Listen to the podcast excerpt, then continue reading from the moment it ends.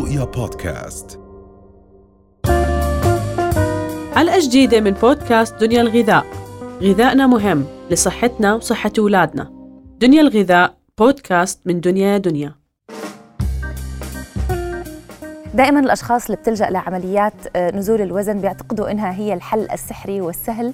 والسريع اللي أنا رح يخلصني من كل الوزن اللي اكتسبته خلال سنوات طويلة خلال ست أشهر ثمان أشهر رح أخسر 30 40 كيلو ورح أخلص من كل الوزن الزائد مم. ولكن للأسف هذا الشيء غير صحيح نعم. النظام الغذائي ما زال بيأثر بشكل كتير كبير وبنقدر نحكي بنوصل تأثيره لم- لنسبة 80% على نجاح العمليات اللي بتهدف بخسارة الوزن.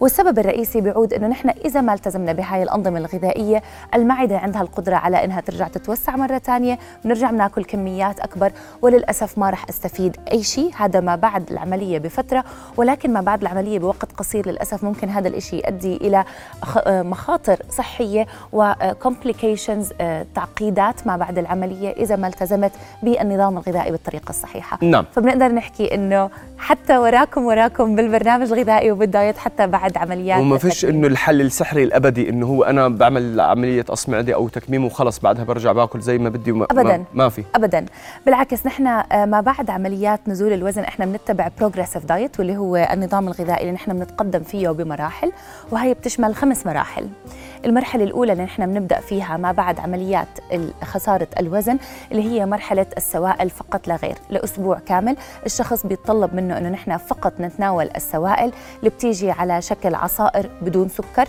اللي بتيجي على شكل كل شيء أنا بقدر أشوف من خلاله.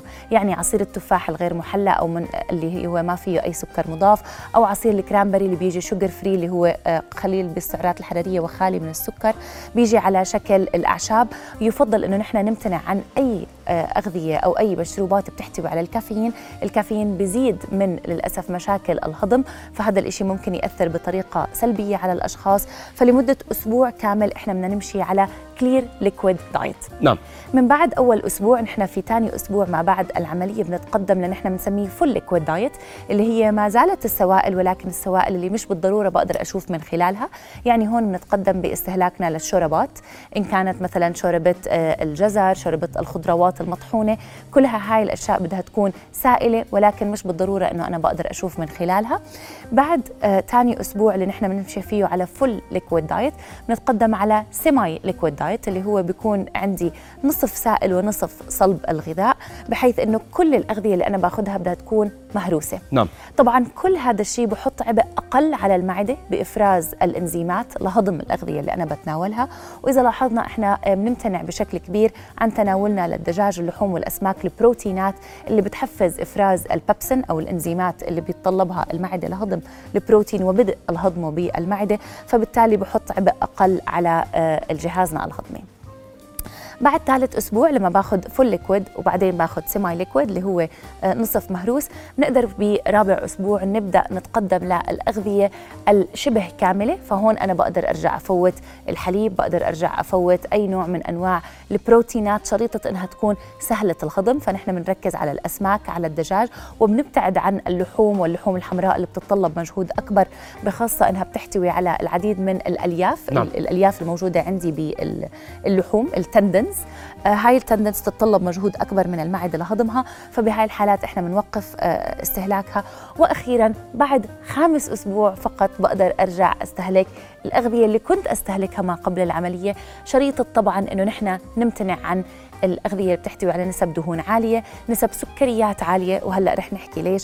وبنفس الوقت السعرات الحرارية الفارغة بالمشروبات المتعددة. نعم هو بكل الأحوال إذا بنحكي عن الكميات حتى لما يرجع بعد لما يوصل لمرحلة إنه هو بيرجع لغذائه الطبيعي أيضا يجب التحكم بالكميات صح؟ طبعا.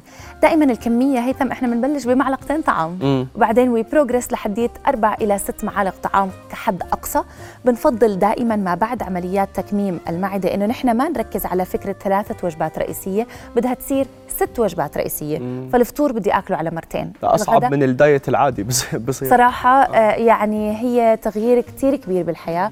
وللأسف الأشخاص ما بيكونوا شايفين هاي النقاط بيكونوا فقط شايفين هدف واحد أنا بدي أخسر الوزن. ولكن ما بيشوفوا الطريق اللي هن بيسلكوها لحتى نوصل لهذا الهدف. يمكن لو كان ما لجأ إلى العملية يمكن كان عليه أسهل. ولكن في بعض من الحالات آه، إحنا آه، عن جد بيكون في ضغط كتير كبير من العمل. العامل النفسي على الشخص فبصير حل العملية يمكن أسهل من اللجوء إلى البرامج الغذائية اللي رح تتطلب منه وقت ومجهود أكبر. نعم. في شغلة أساسية بدنا نركز عليها ونحن بنسميها ال dumping syndrome ال dumping syndrome ممكن يحصل عند الأشخاص بحالات استهلاكهم للسكر ما بعد عمليات تكميم المعدة. بعد عملية تكميم المعدة إحنا بنعرف إنه بيكون في عندي هضم أقل وبنفس الوقت عبء أكبر على المعدة. في هاي الحالات إذا أخذنا أي من المشروبات أو الأغذية اللي بتحتوي على السكر السكر رح يؤدي إنه يسحب العديد من السوائل إلى جهازنا الهضمي وبالتالي يؤدي إلى إخراج غير آه، منظم وغير متوقع. مم. فهذا الشيء نحن بنسميه dumping syndrome نعم. بهاي الحالات يفضل إنه نحن نمتنع تماما عن السكريات لحديت خامس أسبوع بنقدر نبلش نرجع نفوت السكر على النظام الغذائي بعد ما يكون الجهاز الهضمي نعم. اعتاد على الشكل الجديد وعلى نعم. الكميات الجديدة من الإنزيمات والهرمونات في حالة ما التزم الشخص بالنظام الغذائي بشكل جيد بعد العملية إيش ممكن يصير؟ أوكي هون نحن بنصير نشوف ال- المصاعب أكثر من الفوائد العديد من الحالات ممكن يصير في عندي تسريب هون إحنا بنكون عم جد عم نفوت بمرحلة آه، خطيرة وبتهدد حياة الشخص نعم وممكن كمان يصير في عندي تعقيدات من ناحية المشاكل على الكبد، مشاكل بالاستفراغ، مشاكل بالإسهال الدائم وللأسف اللي طبعا بيؤدي إلى الفقدان العديد من الفيتامينات والمعادن والبروتينات،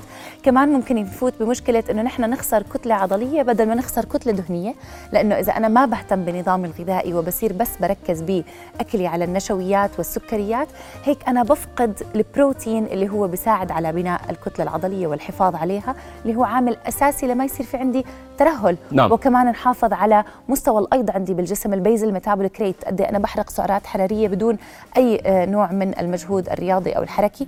فهون للأسف كمان بخسرهم. وكمان ما ننسى أخيرا التأثير السلبي على البنكرياس وال gallbladder المرارة اللي ممكن يصير في عندي مشاكل فيها. نعم جميل جدا. رند بدي أتشكرك جزيل الشكر على المعلومات المهمة. يعطيك ألف عافية. شكرا لك هيثم. أهلا وسهلا فيك. رؤيا بودكاست.